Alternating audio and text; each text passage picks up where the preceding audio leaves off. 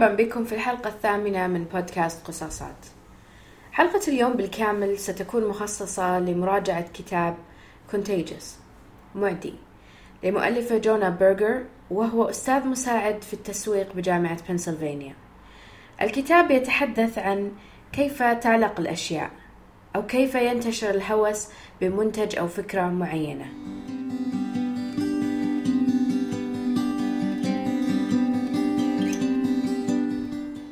كتاب برجر يتكون من خمسة فصول رئيسية بالإضافة إلى المقدمة والخاتمة طبعا. في هذه الخمسة فصول يشرح برجر باستفاضة عن العوامل التي تساعد في انتشار منتج أو فكرة ما وانتقال العدوى بين الناس في استخدامها والاهتمام بها. اختصر برجر هذه العوامل في كلمة steps وهي أولا social currency العملة الاجتماعية وهي ما يتشاركه المستخدمون على الإنترنت ليظهروا بصورة جيدة. كون أن أن تعرف شخص معين أو تستخدم منتج معين أو تذهب إلى مكان معين بصورة مستمرة هذا يضيف لك عملة اجتماعية حسب ما يشرح برجر. الثاني أو العامل الثاني triggers اللي هي البواعث والمسببات. ترتبط هذه البواعث والمسببات بالمنتج وتذكر المستهلك أو المتلقي به دائما. كل ما شاهد رمز معين أو شعر بشعور معين يتذكر هذه الفكرة أو هذا المنتج. ثالثا emotions العواطف. عندما نهتم بشيء بشكل كبير نشارك الآخرين ما نعرفه حوله. ورابعا public. عندما يكون الشيء علني أو مشاع يمكن للجميع مشاهدة بعضهم وهم يهتمون به أو يستخدمونه ويتحدثون عنه. ثم practical value آه القيمة العملية لهذا المنتج. كيف يمكن الاستفادة من أي شيء؟ هل يسهل التعامل معه؟ هل يساعدنا في حياتنا اليومية؟ هل سيكون معنا في كل مكان؟ وغيرها من العناصر التي تجعل الناس يتحدثون عن شيء وينشرون الأخبار حوله. وأخيرا ستوريز القصص. كل ما كان للمنتج قصة يتعلق بها المستهلك أو كل ما كان للفكرة قصة وراءها يتداولها البشر بسرعة وتنقل معلومات أكثر بداخلها. هكذا يعلق المنتج في أذهان الناس أو يصابون بالعدوى. يحتاج المسوق دائما لقصة ترتبط بعاطفة البشر أو تذكرهم بحدث ما أو تتكرر بشكل مستمر خلال مناسبات سنوية. القصص كما يقول برجر هي أحسن الطروادة للمنتج ومن خلالها سيصل للناس بشكل أكبر.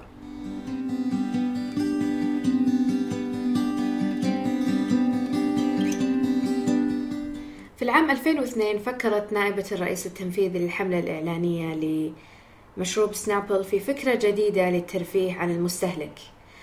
كانوا يريدون شيء جذاب لزيادة مبيعات هذا المشروب بالإضافة إلى الإعلانات التي يقدمونها على التلفزيون وعلى الوسائط الأخرى حيث كانت مشهورة آنذاك بأنها ممتعة وفيها أفكار جديدة. كانت المساحة تحت أغطية المشروب غير مستغلة ولذلك الفكرة كانت في وضع مجموعة من الحقائق الطريفة والتي لم يسبق للمستهلك معرفتها حتى وإن حاول تحت هذا الغطاء بحيث أنها تصبح ظاهرة عندما تشتري المشروب وتفتح العلبة.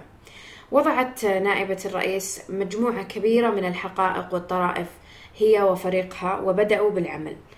آه الذي حصل أن مشروب سنابل تضاعف الطلب عليه بسبب أن هذه المعلومات تحت الغطاء أصبحت العملة الاجتماعية أو ال social currency لمن يقتنيه أو يشربه واستمر الاهتمام بها لدرجة أن أصبحت هناك مواقع على الإنترنت ومدونات تجمع هذه الحقائق وتعرضها للزوار. أيضا الكوميديين في البرامج في المسلسلات. الإشارة إلى حقائق Snapple أصبحت دعم إضافي للمنتج حتى للذين لم يسمعوا به من قبل. في الكتاب العديد من القصص المشابهة لهذه القصة يستخدمها برجر لشرح العوامل التي تنتشر بها عدوى الأفكار أو الأشياء. ويمكنكم من خلال فهم استخدام هذه العوامل لخدمتكم من ناحية نشر فكرة معينة أو البدء بتسويق منتج أو حتى بدء عمل خاص بكم.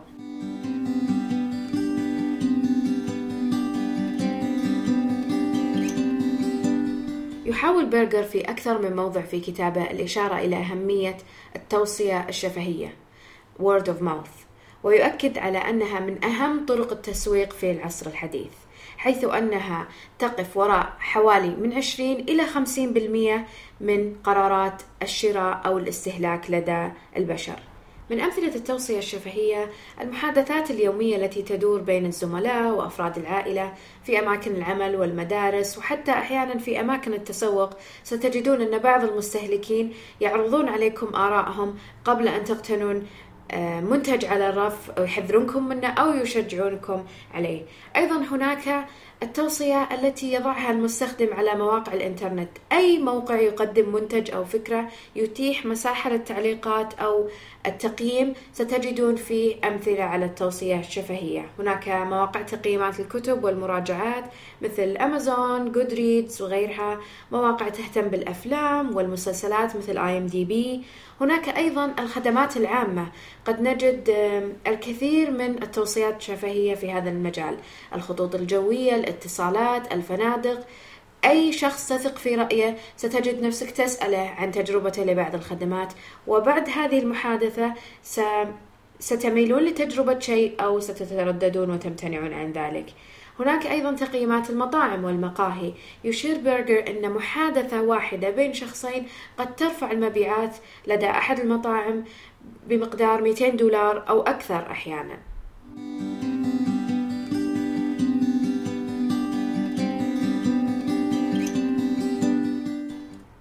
العوامل التي يشرحها برجر في كتابه تأتي لتؤكد على فكرة أن جودة منتج أو أصالة فكرة ليست بالضرورة كافية لانتشاره بين الناس.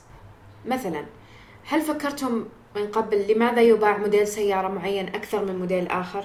مع أن الأقل مبيعا قد يكون جودته أفضل معدل السلامة فيه أعلى سعره أفضل هذا لا يعني أن ما ينتشر دائما هو الأفضل يقول برجر أن كل ثمان سيارات تباع هناك سيارة واحدة تباع بسبب التوصية الشفهية. عندما تشاهد جارك يقود سيارة معينة أو قريبك أو حتى في الإعلانات التلفزيونية يستخدمون ممثلين أو لاعبين كرة قدم كل هذه الأشياء تساهم في انتشار منتج معين. يلعبون على عنصر العاطفة أو الارتباط في الذاكرة بشيء يحبه المستهلك ويرغب في امتلاكه. وهكذا وعلى مدى صفحات الكتاب ستجدون أمثلة أخرى سيدهشكم انتشارها مع أن لو جربتوها شخصيا ستكتشفون أن جودتها متدنية وفكرتها غير أصيلة.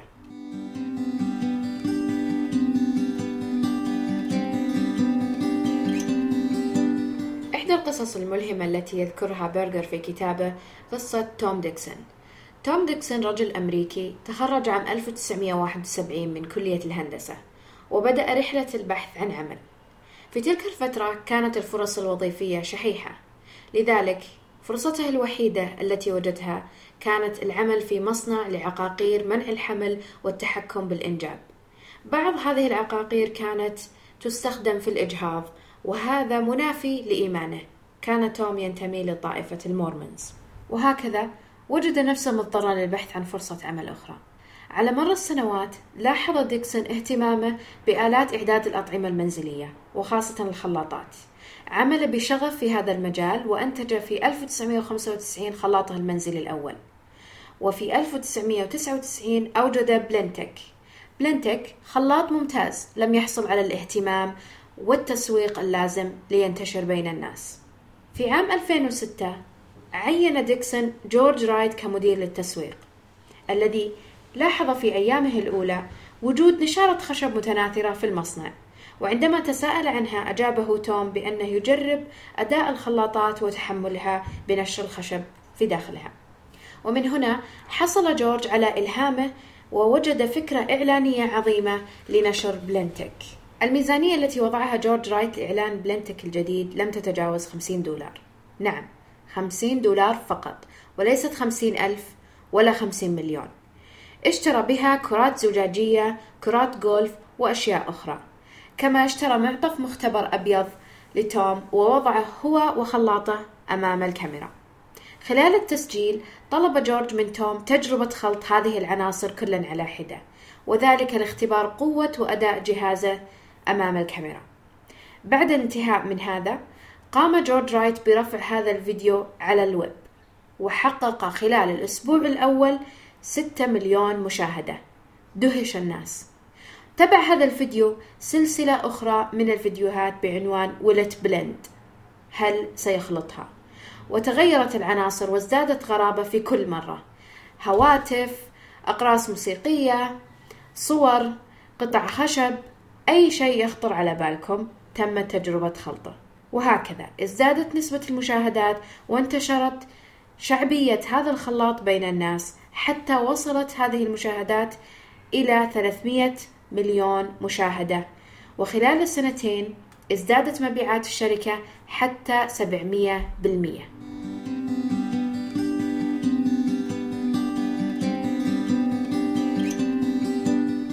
نسيت أن أقول لكم أن هذا الكتاب ليس مخصصا لشخص يريد التسويق لفكرته أو منتج لديه. هذا الكتاب ممتع لأي شخص يقرأه.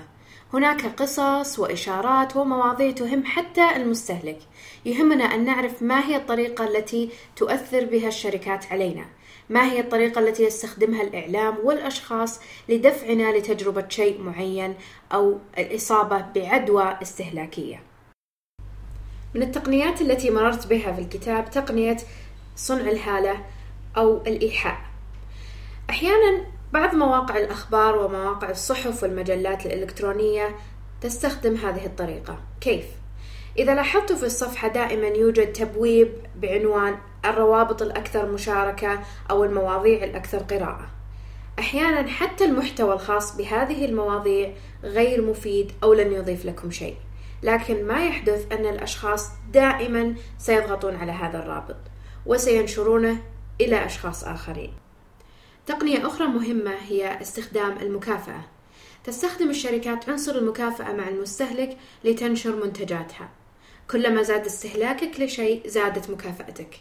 هناك أيضا مكافآت التطبيقات الإلكترونية والأوسمة الافتراضية التي يمكنكم مشاركتها مع متابعيكم على الشبكات الاجتماعية. وقد تربط بعض الجهات حصولكم على الخصومات والهدايا بدعوة المزيد من المستخدمين لتجربة منتجاتهم. بالتأكيد كلنا مررنا بهذه الحالة. وهناك الكثير من التطبيقات التي يمكنكم التفكير بها الآن تنطبق عليها هذه الفكرة مثل فورسكوير، نايكي وغيرها. كل هذه التطبيقات تمنح المستهلك مكافأة أحيانا قد لا تكون مادية فقط رمزية لكن يجد فيها تشجيع على استمرار استهلاك المنتج ونشر الحديث عنه.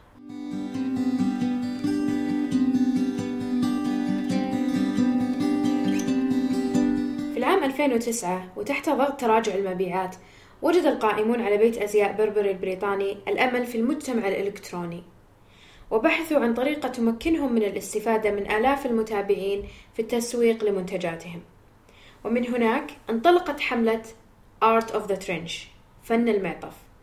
الحملة ببساطة تطلب من الأفراد تصوير أنفسهم وهم يرتدون معطف بربري الشهير.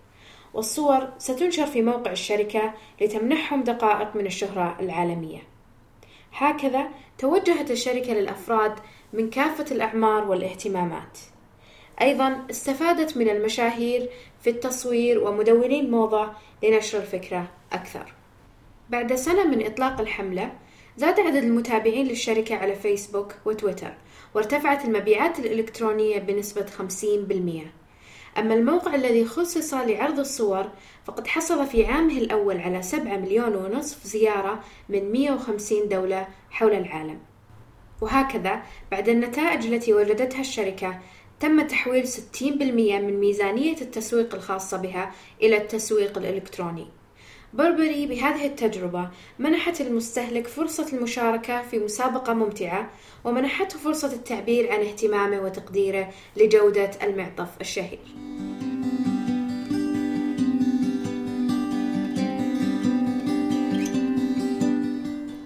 الكتاب فيه قصص كثيرة قد يطول الوقت للحديث عنها أو ذكرها. ما الذي استفدت من هذا الكتاب؟ معلومات كثيرة تهمني وسأحاول تطبيقها في المستقبل إن شاء الله. تنبهت أيضا للأثر الذي يتركه حديثي عن منتج أو فكرة. فبرجر يقول أن 40% من أحاديثنا مع الآخرين شخصية. نتحدث فيها عن مفضلاتنا واهتماماتنا وغيرها. ومن هنا تستطيع الشركات استخدامنا بطريقة أو بأخرى.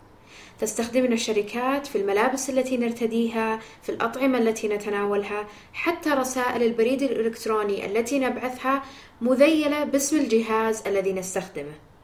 هذا الكتاب كان بحق لحظة استنارة لي وتأمل لحياتي الاستهلاكية. أتمنى أن تطلعوا عليه وتستفيدوا منه وأتمنى أيضا أن تخبروني ببعض الأفكار التي مررتم بها أو القصص المؤثرة عن منتج أو فكرة ما. هذا كل ما لدي في هذه الحلقة. شكرا لاستماعكم وإلى اللقاء.